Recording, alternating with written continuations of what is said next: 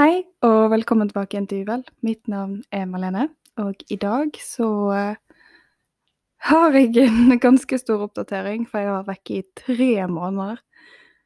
Nesten. Må bare beklage for det, altså, men uh, livet kom faktisk bokstavelig talt i veien. Uh, og det føles godt å komme tilbake igjen. Det gjør det. Men jeg har mye å oppklare, dessverre. Jeg eh, Alle liksom begynte å lure på hvor ble det av deg igjen, hvorfor har ikke vi hørt noe mer? Og jeg bare ja, nei, eh, nei sorry. Men nå er jeg tilbake igjen. Og jeg har mikrofon. Det hadde ikke jeg før. Så det er veldig gøy. Uh, men ja. Tilbake igjen til hva det skal handle om i dag. Hva skjedde? Jo, alt og ingenting. Bokstavelig talt alt og ingenting. Det skjedde mye, og det skjedde lite. Eh, en av tingene var jo det at eh, eh, jeg har hatt en sak i Trygderetten, og jeg vant. Jeg vant faktisk. Så til Nav egentlig, sorry, men faktisk. For jeg vant! jeg hadde faktisk aldri trodd jeg kom til å vinne. Ikke fordi at jeg ikke trodde jeg hadde rett, men fordi at ting var sånn som de var. Og Nav de er veldig flinke eh, til å vri om på alt. Og det gjorde de min sak òg. Heldigvis hadde jeg en fantastisk advokat. Og hun, eh, hvis dere trenger eh, hjelp med Nav, der du skal så i en klagesak, så seriøst kontakt Mona Meldingen hos Judisium i Bergen, hun er fantastisk. Jeg hadde aldri klart uten noen. Aldri. Hun ringte meg i mars. Hun var helt uh, febrilsk. Hun prøvde å få tak i meg. Uh, jeg var ikke helt tilgjengelig på telefonen akkurat der og da. Og så så jeg at hun hadde ringt, og så tenkte jeg OK, hvorfor ringer hun nå? og så ringte jeg henne opp igjen, og så bare Malene, jeg har en god nyhet til deg. Og jeg bare hva? Hun bare du vant. Jeg bare hæ, vant jeg? Hun bare ja, du vant. Jeg bare hæ? Det tok tre år. Det tok tre år før det havnet i Trygderetten, og da vant jeg. Det er ganske sykt. Jeg kan nesten ikke tro det, for å være helt ærlig. Men det føles godt. Så, for å gå litt i detalj i den Nav-saken, da, så må vi jo ganske langt tilbake igjen i tid. Uh, jeg uh, Jeg har vært psykisk syk siden jeg var barn. Mest sannsynlig. Uh, jeg begynte å få panikkavfall da jeg var åtte. Jeg fikk min første depresjon da jeg var ti. Jeg fikk min første hypomane-episode da jeg var 14. PTSD fikk jeg nok i tolvårsalderen. Den fikk jeg ikke hjelp med før jeg var 20. Eh, og det har vært en så lang vei, alt dette her med Nav. Og Nav, de har jobbet så hardt for at jeg ikke skulle få det jeg hadde rett på. Og jeg gjorde alt Nav ville at jeg skulle gjøre. Det gjorde jeg. Jeg var i tiltak, jeg var i arbeid.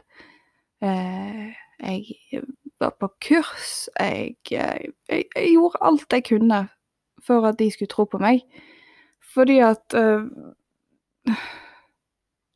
jeg, jeg, liker ikke å si at jeg er sjuk. Jeg Jeg anser meg sjøl som syk, men ikke så syk at jeg ikke er oppegående til å ha et normalt liv. Problemet er jo bare det at jeg har Jeg har tre diagnoser jeg skal forholde meg til. Og å forholde seg til de tre diagnosene og å være i 100% jobb, det er ekstremt krevende. Når jeg var 17, fikk jeg påvist bipolar lidelse type 2. Egentlig først type 1, men det ble endret til type 2. Når jeg var 20, fikk jeg PTSD-diagnosen. Når jeg var 24, så fikk jeg lipødemdiagnosen. Jeg Jeg tror ikke veldig mange forstår eh, hvor mye fatigue man opplever med lipidem. Jeg tror ikke Jeg tror man egentlig ikke klarer å forstå det før man får det sjøl. Det er så utmattende. Og det er ikke bare det at det nødvendigvis kommer fra smerter. Du bare våkner og er dødsliten. Du har ingenting å gi. Og det var jo litt det som skjedde når jeg var i jobb òg. Jeg, jeg, jeg, holdt på å jobbe meg i hjel. Faktisk. Jeg holdt på å jobbe meg i hjel. Jeg jobbet så hardt over så lang tid. Altså, ja, så lang og så lang. Det var et år. Og etter det året så var jeg bare totalt utbrent. Og jeg fikk alvorlige migreneanfall av det. Så ille at jeg var sengeliggende. Så ille at alle de typisk vanlige migrenemedisinene De hjalp ikke for meg. Og det tok lang tid før jeg kom til en spesialist, en nevrolog. Og ikke før da fikk jeg hjelp. Så jeg går jo på medisiner for da migrene og bipolar lidelse. Jeg har gått i aktiv behandling siden jeg var tolv, cirka. Og jeg føler jeg gjør det jeg kan for å ha det livet jeg trenger å ha. Men det krevde jo òg at jeg måtte flytte seks timer vekk fra Bergen, der jeg er ifra, for å ha det bra. Det var forferdelig vanskelig å flytte så langt vekk fra alle de jeg var så glad i, og er så glad i. Jeg flyttet fra familie, jeg flyttet fra venner. Jeg flyttet fra alt. For jeg trengte en pause. Etter en stygg kamp med Nav, etter en stygg kamp med meg sjøl, og alle triggerne jeg hadde stått oppi alle de årene, så trengte jeg å komme meg vekk. Alle trodde det hadde klikket for meg når jeg flyttet opp her, for å være helt ærlig. Og jeg kan forstå det. Fordi at hvem flytter vekk seks timer bare for å være i fred? Jo, meg. For jeg klarte ikke å regulere meg sjøl lenger.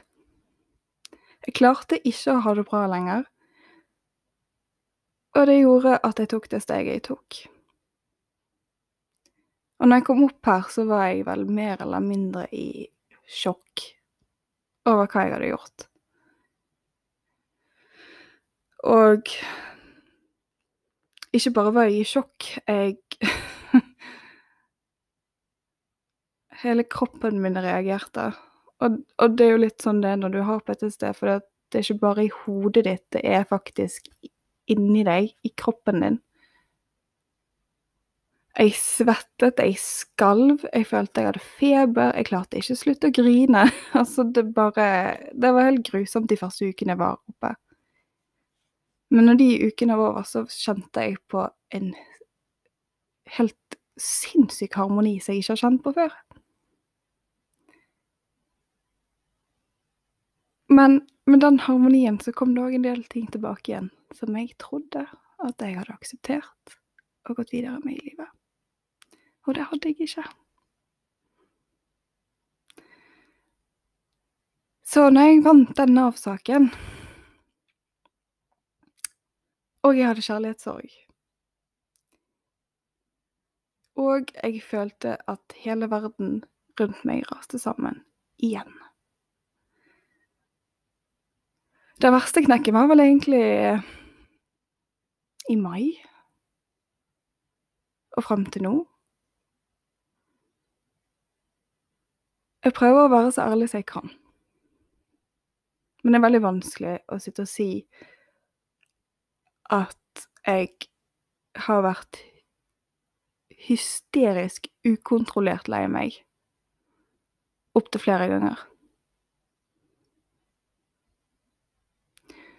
Og det er fordi at hun lille jenten inni meg bare har skreket til meg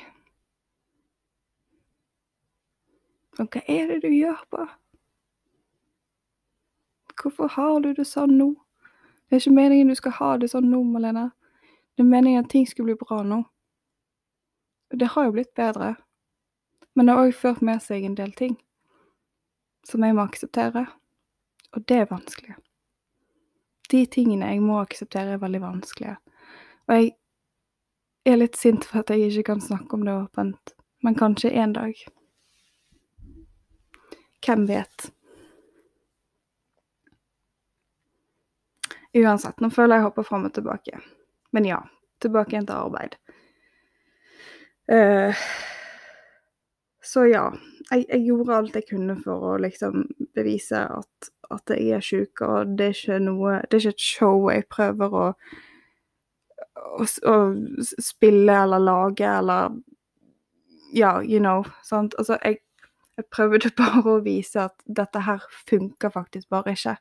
Dette går ikke. Um, og for hver gang vi var inne på møte med Nav med både behandlere og, og fastlege og alt, så sitter de og sier 'ja, men du er så ung'. Ja, jeg vet jeg er ung. Men det betyr ikke at man ikke har problemer for de om. Det betyr ikke at man ikke kan bli alvorlig syk selv om man er ung. Eh, det, det har jo ingen Altså det kan skje hvor tid som helst i livet. Det kan skje når du er baby, det kan skje når du er 90. Sant? Altså, det er jo ingen grense for det. Men Nav tror jo at det har det, selvfølgelig. Jeg skal ikke baksnakke Nav, for jeg vet at de gjør mye bra, men fy faen så mye dårlig de gjør òg. Eh, jeg måtte flytte opp her for å faktisk bli tatt alvorlig av en saksbehandler. Han eh, kom på møte hos eh, behandleren min her oppe. Vi hadde planlagt et møte. Og han det var, det var, veldig spesielt, for han satte seg ned, og så sa han Jeg har ikke lest gjennom alle papirene dine, men jeg har lest nok til å si beklager for hva du har vært igjennom i Nav-systemet. Dette er ikke greit. Dette har tatt for lang tid. Dette skulle ikke tatt ti Nei, ikke ti år, men dette skulle ikke tatt åtte år. Og da kjente jeg at jeg fikk litt sjokk. og så tenkte jeg hæ? Hva sa du nå? er du på min side? Hva, hva skjer her? Hva, hva, er dette for noe? Jeg blir lurt? Og jeg var ufattelig skeptisk lenge på han. Helt til han begynte å samle inn papirer fra Han ville ha en del epikriser og sånt fra andre behandlingssted som jeg hadde vært på, da, og få liksom en oversikt over spesialisterklæringene. Uh, og han Han var veldig åpen, og han sa Han sa han skulle gjøre det han kunne for å hjelpe meg, og jeg, jeg trodde ikke helt på han. Så ringte han meg i desember. Og så sa han ja, du, nå skal eh, jeg og kollegaen min skrive en arbeidsevnevurdering. Og så ble jeg litt sånn ja, men eh, vil ikke du ha meg i en arbeidsevnevurdering? Og så sa han nei, du er ferdig avklart. Og da ble jeg litt sånn å ja, jeg er det, ja. Ja, så sa jeg hvordan kom du til den konklusjonen? Og så sa han ja, jeg trengte bare å, å lese gjennom papirene dine. Så var det nok for meg å forstå at du har prøvd mer enn nok. Og det var nesten så Noen slo ut pusten av meg, og jeg bare sånn Hæ? OK. Eh, ingen mer krangling med Nav, tydeligvis. Ja men, ja, men det er jo en fin, eh, fin ting, det. Jeg skal ikke klage på det. Selvfølgelig skal ikke jeg det. Eh, det er jo bare Det var jo egentlig bare perfekt, det, syns jeg. Det var slitsomt nok de årene jeg kranglet med dem. Og så ringte han meg igjen i januar. Og så sa han det at eh, nå, har jeg, nå, har vi skrevet arbeidsevnevurderingen, er det greit at du leser gjennom den? Så sa jeg ja. Og så leste jeg gjennom den, og så fikk jeg en sånn merkelig ro inni meg. veldig merkelig ro. For han skjønte det.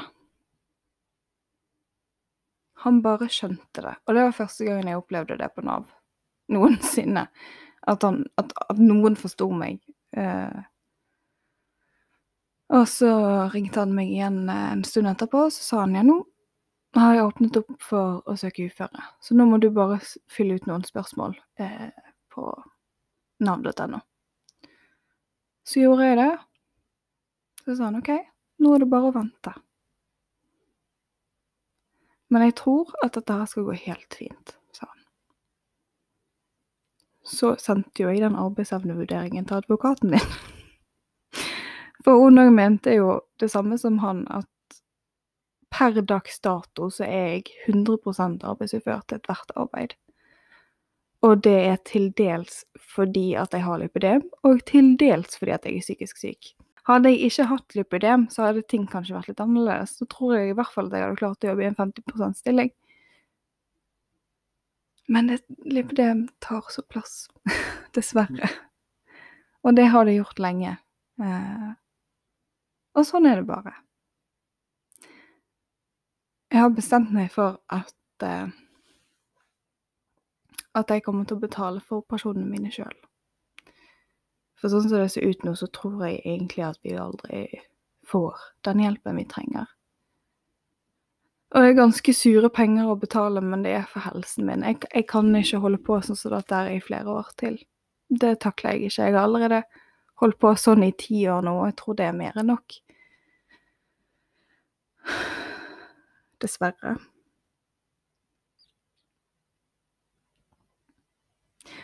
Men jeg har det bedre nå. Jeg har fått ting litt på avstand, og det føles uh, Jeg har det roligere inni meg, på sett og vis.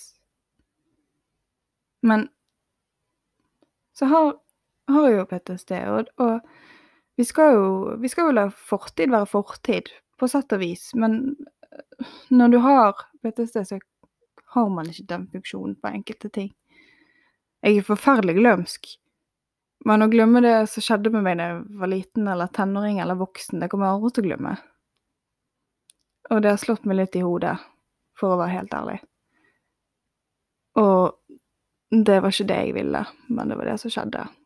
Jeg hadde ikke kontroll over det. Det var ikke min skyld. Og det er det jeg sitter og forteller til meg sjøl hver dag. Det var utenfor min kontroll. De fleste av gangene var jeg et barn. og det er ikke min feil. Jeg liker å tenke at jeg er et løvetannbarn. For jeg har mange ganger lurt på hvordan jeg i det hele tatt fortsatt klarer å stå oppreist. Jeg har konkludert med at jeg er sterkere enn jeg tror. Og det er godt. Det hadde jeg ikke klart å se for noen år siden. For ting var så inn i helsike mørkt. Det var så mørkt at jeg eh, klarte ikke å se inn i der. Men nå er livet blitt bedre. Bedre og verre. Men mest bedre, selvfølgelig. Heldigvis. Og så har jeg vel for første gang i hele mitt liv uh, fått lov til å være meg sjøl. Det er første gangen i mitt liv jeg får lov til å ta de valgene jeg vil sjøl, uten at noen skal ha en forbannede mening om det. Jeg har en del folk i livet mitt som ikke har latt meg få være den jeg er, samtidig å være voksen i stand til å ta mine egne valg. For det er jeg. Jeg er veldig kapabel til å ta mine egne valg. Uh, det er ikke alle som liker å tro det, men jeg er faktisk det. Jeg er en veldig ansvarlig person, så for meg er det veldig, veldig forvirrende at noen tenker sånn. Og alle andre føler at jeg er en oppegående, normal person. Det eneste er at jeg er bipolar. ja og har PTSD. Men altså, jeg lever jo med det hver dag. Det går for det meste ganske greit, egentlig. Og så var jo det den siste tingen, da. Og det var egentlig der skoen trykker mest akkurat nå. For snart syv år siden så var jeg og hentet verdens mest nydelige lille kattunge som var helt grå. Han, hadde en liten hvit flekk på halsen. Langhåret og nydelig. Og når du har PTSD, så lærer du deg å ha ankre som holder deg til nåtiden. Og de er ganske viktige. Og han har jo selvfølgelig da blitt ankeret mitt. Um, han heter Storm. Han er babyen min. Kommer alltid til å være babyen min. Og han eh, begynte å hoste for noen uker siden. Det var en grusom hoste. Så var han veldig sånn av og på, og så tenkte jeg at eh, Nei, jeg tror jeg skal vente, sier han. Så ventet jeg noen dager, og han sluttet fortsatt ikke å hoste. Så plutselig så fikk han en sånn skikkelig hosteanfall. Så, så alvorlig at jeg løpte opp trappen. Altså, jeg har en trapp i leiligheten, jeg har ikke tilgang til resten av huset, men, men jeg kan gå opp den trappen. Og Storm pleier å sove der, da.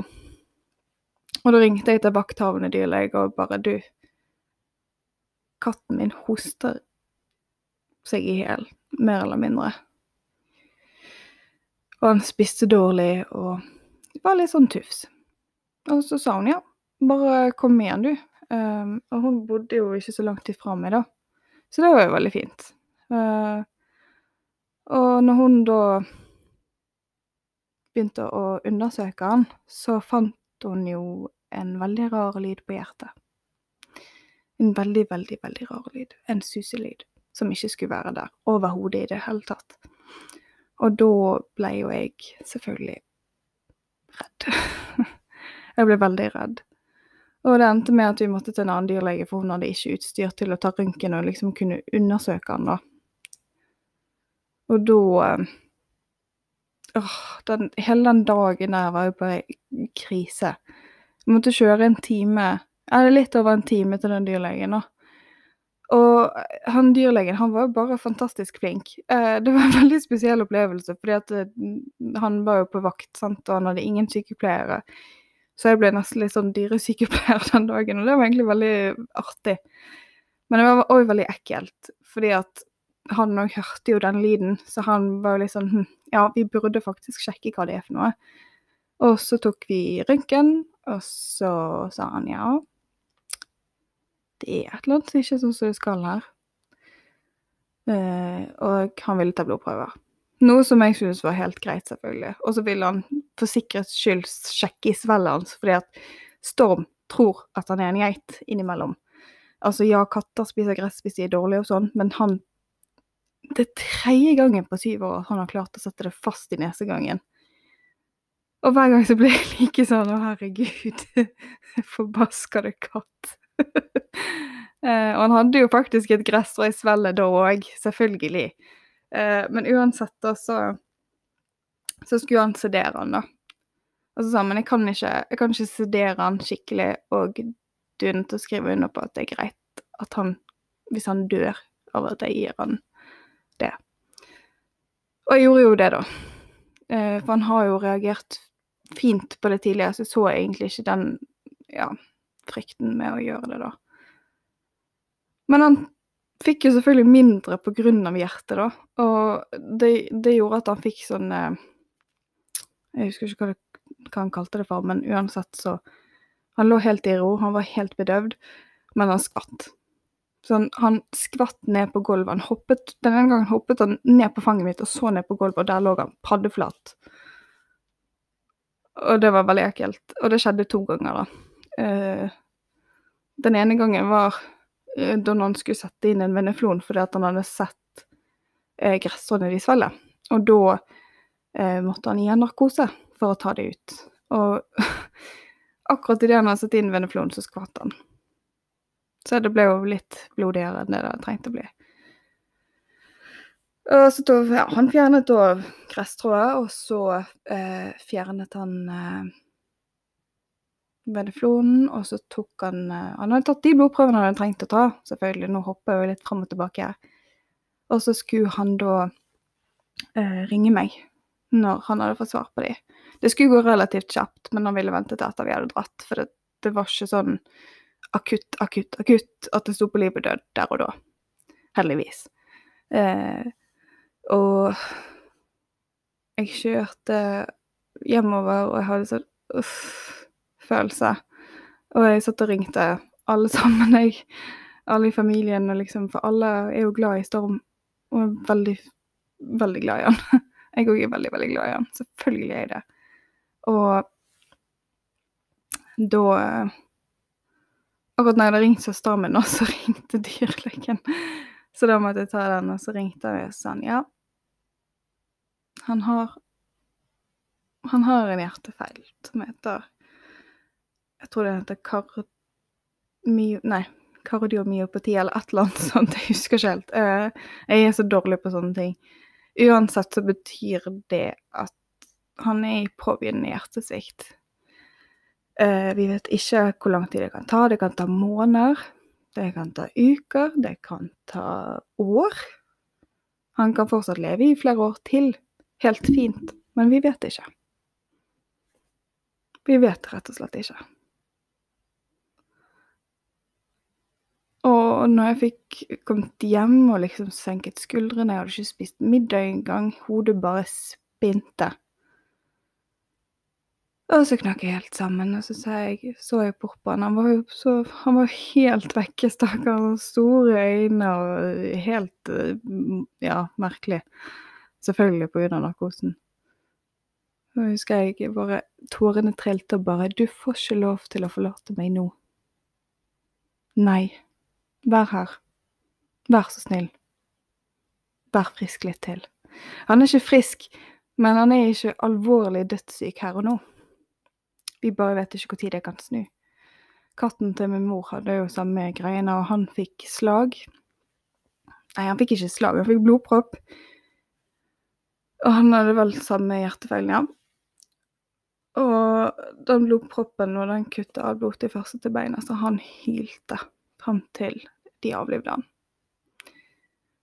Jeg var ikke der, men jeg har blitt gjenfortalt at det var helt grusomt. Noe jeg selvfølgelig tror på, for jeg, jeg vet hvordan jeg hadde reagert sjøl. Så det hadde ikke gått veldig bra. Jeg tror jeg hadde fått et panikkanfall og blitt helt hysterisk sjøl, for å være helt ærlig. Og Så nå prøver vi å leve i nuet. Jeg prøver å ta vare på han så godt som jeg kan.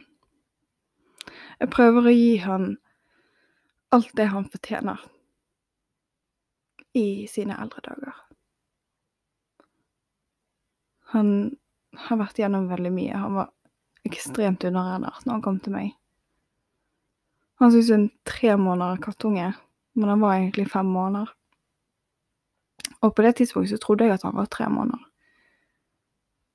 Men så fikk jeg jo eh, vite når han var født. Han var født i mai, og jeg fikk han i oktober.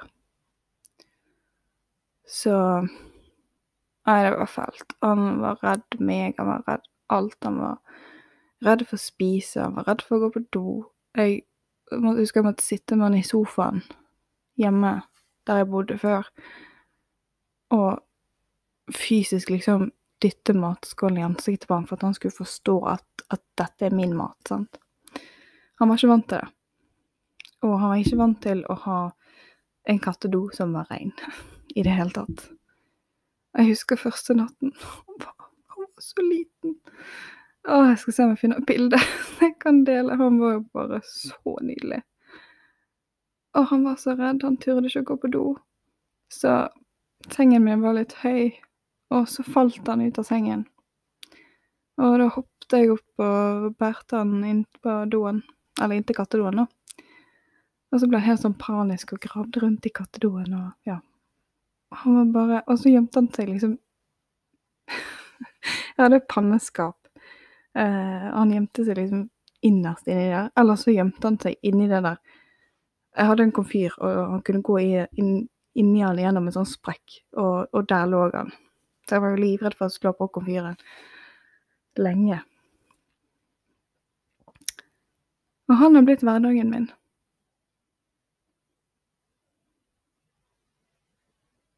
Og jeg tror det hadde blitt forferdelig å være uten han.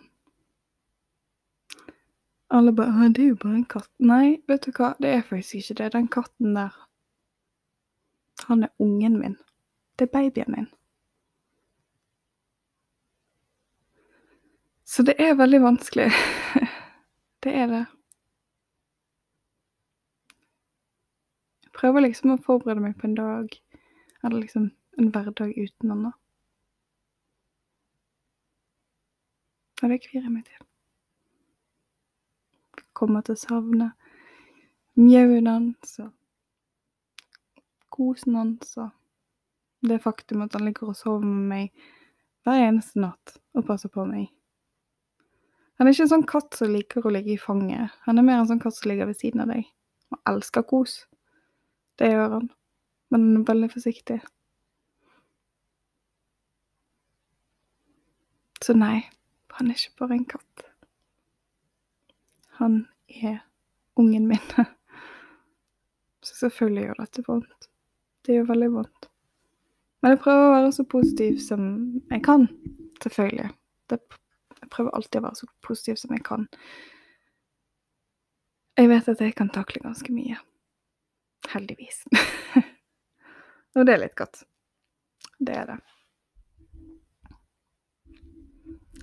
Men ja. Så det, det har vært noen tøffe uker. Det har det. Men nå har jeg endelig begynt å føle at, at jeg er meg sjøl igjen, da. På veldig mange måter. Og da føler jeg jo at jeg kan begynne på'n igjen med podkasten og, og, liksom på en måte starte fra der jeg slapp. Meg og Siri sin serie var jo ikke helt ferdig. Det er fortsatt to episoder igjen. Den ene er for så vidt klar, eh, men vi må spille inn litt til. Og Siri kommer opp her i sommer, så da får vi fikset det. Og jeg tenker jo litt sånn i mellomtiden at jeg skulle prøve å lage en, en litt mer uh, ukomplisert episode om meg, for jeg tror det er ganske viktig at dere blir kjent med meg nå. Um, jeg har lyst til å bli kjent med dere òg. Selvfølgelig har jeg det, og jeg, jeg håper at dette kan bli, bli noe gøy. det er jo derfor jeg gjør dette. Det er jo for å skape en, en åpenhet og en plass der det er greit å snakke om, om vanskelige ting, da. Tenker at det er forferdelig viktig. For meg er det iallfall forferdelig viktig å skape den, den tryggheten. Det skal ikke være tabu å være syk i dag. Det burde ikke være det. Det burde ikke være tabu å være psykisk syk. Det burde ikke være tabu noe som helst. Og i lys av det som skjedde i Oslo, så vil jeg jo bare si det at det burde heller ikke være tabu å være homofil, lesbisk, transkjønnet, hva enn du måtte være. Vær deg sjøl. Det er det viktigste her i verden, det å være seg sjøl. Man skal ikke være redd for å være den man er. Det Hvis noen får en til å føle det, så, så burde de seriøst skamme seg, for det er ikke sånn det skal være. Uh, jeg begynner å bli trøtt. Klokken er ti på elleve. Lørdagskveld. Jeg fikk bare sånn innfall nå, nå må jeg spille inn. Så ja. Nei, det, det føltes veldig godt at ta, å få dette ut. Jeg har tenkt mye på hva jeg skal si, hvordan jeg skal si det. Det er ikke sikkert at masse av dette her gir særlig mye mening, men jeg prøvde i alle fall. For hodet mitt er litt rotete, så da, da blir det av og til at episodene blir litt rotete òg. Men eh, jeg prøver. Jeg prøver å holde en tråd. Jeg er ikke alltid så flink til det, men jeg prøver. Så ja. Uansett så er jeg tilbake. og eh, det føles godt. Jeg eh, tror at eh, det blir litt annerledes med hvordan og når episodene blir publisert nå. Jeg, jeg føler at det å publisere én episode i uken er ganske urealistisk. Men jeg tenker kanskje at annenhver uke, og i verste fall en gang i måneden. Vi får se hva tiden bringer, rett og slett. Og så har jeg òg lyst til å si det at uh, At jeg er glad for å være tilbake igjen. Og jeg håper, håper at uh, At veien herifra blir lettere. Jeg tror det blir lettere. Så ja. Ja ja, folkens. Da var vi jo kommet på slutten igjen som alltid. Jeg ønsker alle sammen en fin dag, eller en fin kveld. Og så snakkes vi snart igjen. Så lover jeg å være tilbake igjen fra nå av. Så det, det blir bra. Nei, men den er grei, folkens. Da må jeg bare si ha det bra. Og ta vare på hverandre. Det er så viktig. Ta vare på de rundt deg. Vis de at du bryr deg. Så ordner alt seg til slutt, det lover jeg.